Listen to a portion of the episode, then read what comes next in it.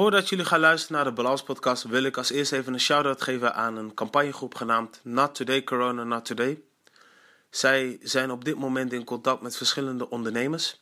En op hun Instagram-pagina staan wat quotes en video's online. Ook van ondernemers die super inspireerd zijn, die ook echt aangeven waarom we healthy moeten zijn en waarom we zoveel mogelijk thuis moeten blijven. Yes, go check them out. En anders check www.nottodaycorona.nl.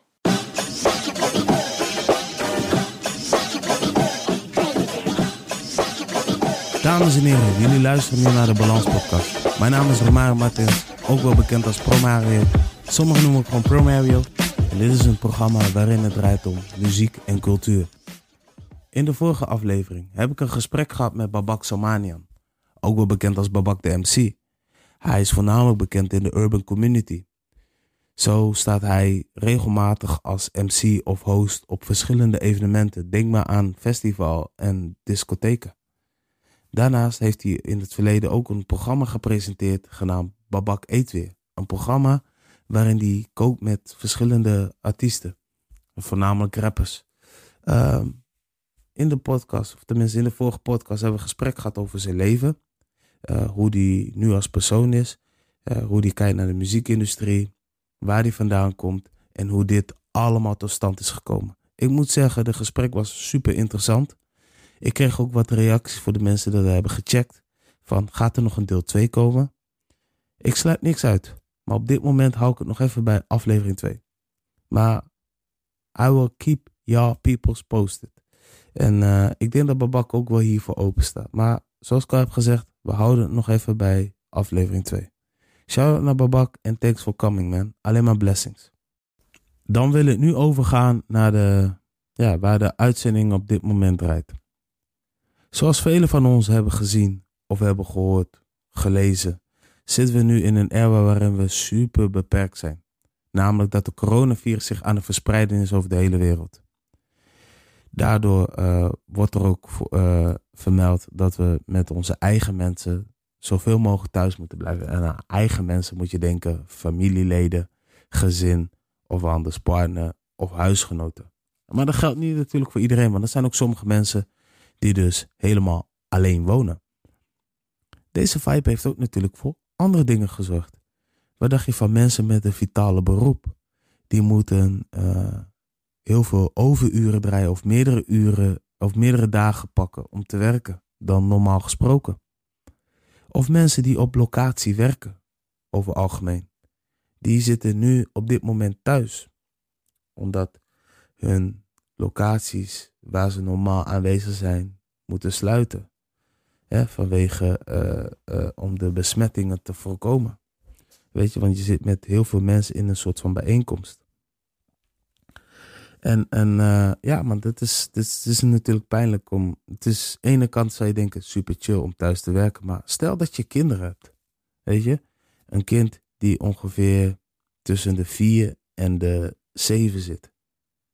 Je moet hun elke keer die aandacht geven en begeleiden.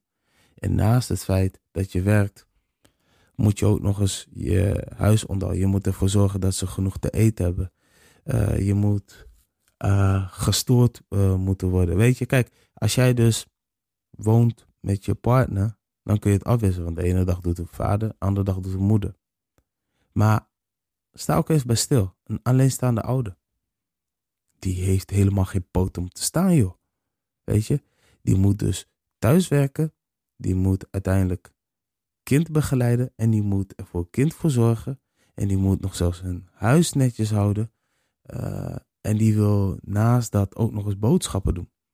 Want je kind achterlaten bij je ouder, dat zou natuurlijk een optie kunnen zijn, maar dat wordt eigenlijk zo min mogelijk uh, aangeraden, weet je. En het liefst wil jij als alleenstaande ouder ook niet uh, je kind bij je ouders achterlaten op dit moment vanwege de situatie waarin we nu zitten. En ik had zoiets van, ja, Snap ik? Kijk, als jij nog een uh, broer of een zus of een neef of een nicht hebt die je super gezond hebt. Probeer als alleenstaande ouder contact op te nemen met diegene. Maar dat geldt ook andersom, want er zijn ook heel veel mensen, wat, er zijn ook heel veel dingen wat ik zie op uh, social media. En die vraagt ze altijd af: uh, Wat doen jullie deze dagen? Wat valt er nog te doen? Weet je?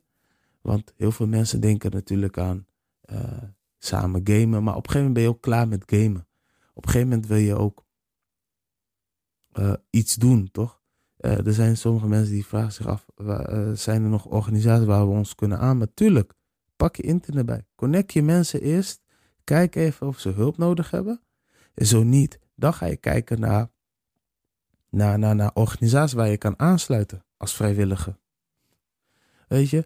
En kijk, je familie, er zitten vast wel een familielid die bijvoorbeeld op een oudere leeftijd zit. En dat kan je opa, oma, of je over, uh, even kijken, je oma's of opa's, broers en zussen, uh, oom, tante, neef, nicht. Uh, die uh, vallen onder een risicogroep. Die worden eigenlijk aangeraden om zoveel mogelijk thuis te blijven. Maar wat dacht je van een familielid die chronisch ziek is? Die kan ook niet zoveel. Die moet ook eigenlijk veel meer in huis blijven. Dit allemaal natuurlijk om de gezondheid en veiligheid. Weet je? En daarom zeg ik, ook alleenstaande ouders kunnen best wel hulp gebruiken. Want ja, weet je, boodschappen doen gaat bij hun niet. Omdat ze misschien wel een kind hebben die ongeveer zes of zeven jaar is. En dan vinden ze het moeilijk om hun kind alleen thuis achter te laten. En daarom had ik zoiets van, mocht jij of mocht een van je familieleden zich afvragen wat ze nog kunnen doen, connect. Kijk, ik kan me bij voorstellen als jij dus in een stad woont als Assen en je hebt een familielid wonen in bijvoorbeeld Zwolle of in uh, Venlo of Rotterdam of ergens in, uh, weet ik veel waar het ook is, kan me voorstellen dat je uh, niet die kant op gaat. Maar je kan wel op afstand kijken van uh, wat kan ik voor diegene doen of wat kan ik voor diegene betekenen. Alleen al dat idee dat je hun op een afstand hulp biedt of dat je afvraagt hoe het gaat. Dan worden ze blij, dan worden ze een beetje opgelucht.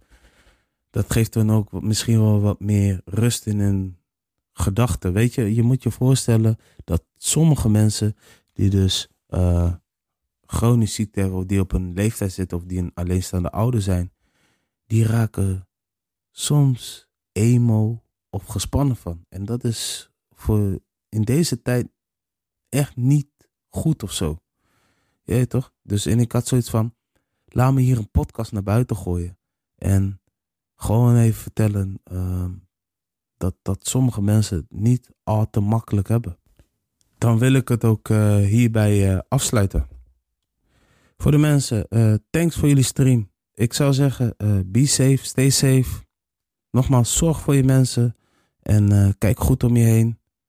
Blijf gezond drinken. Wat ik jullie ook wel tips kan geven is bijvoorbeeld drink elke ochtend um, gember, gemberthee met uh, citroen of heet water. Of blijf in ieder geval aan de healthy kant. Er zijn nog wel meerdere kruiden wat je kan checken op internet. En uh, ja man, alleen maar blessings. Mijn naam is Promario. En voor de, om niks te missen voor de volgende show, blijf abonneren. Laat even een recensie achter. En dan mag ook wel een beoordeling. En ja, tot de volgende keer. I'm out. Love up.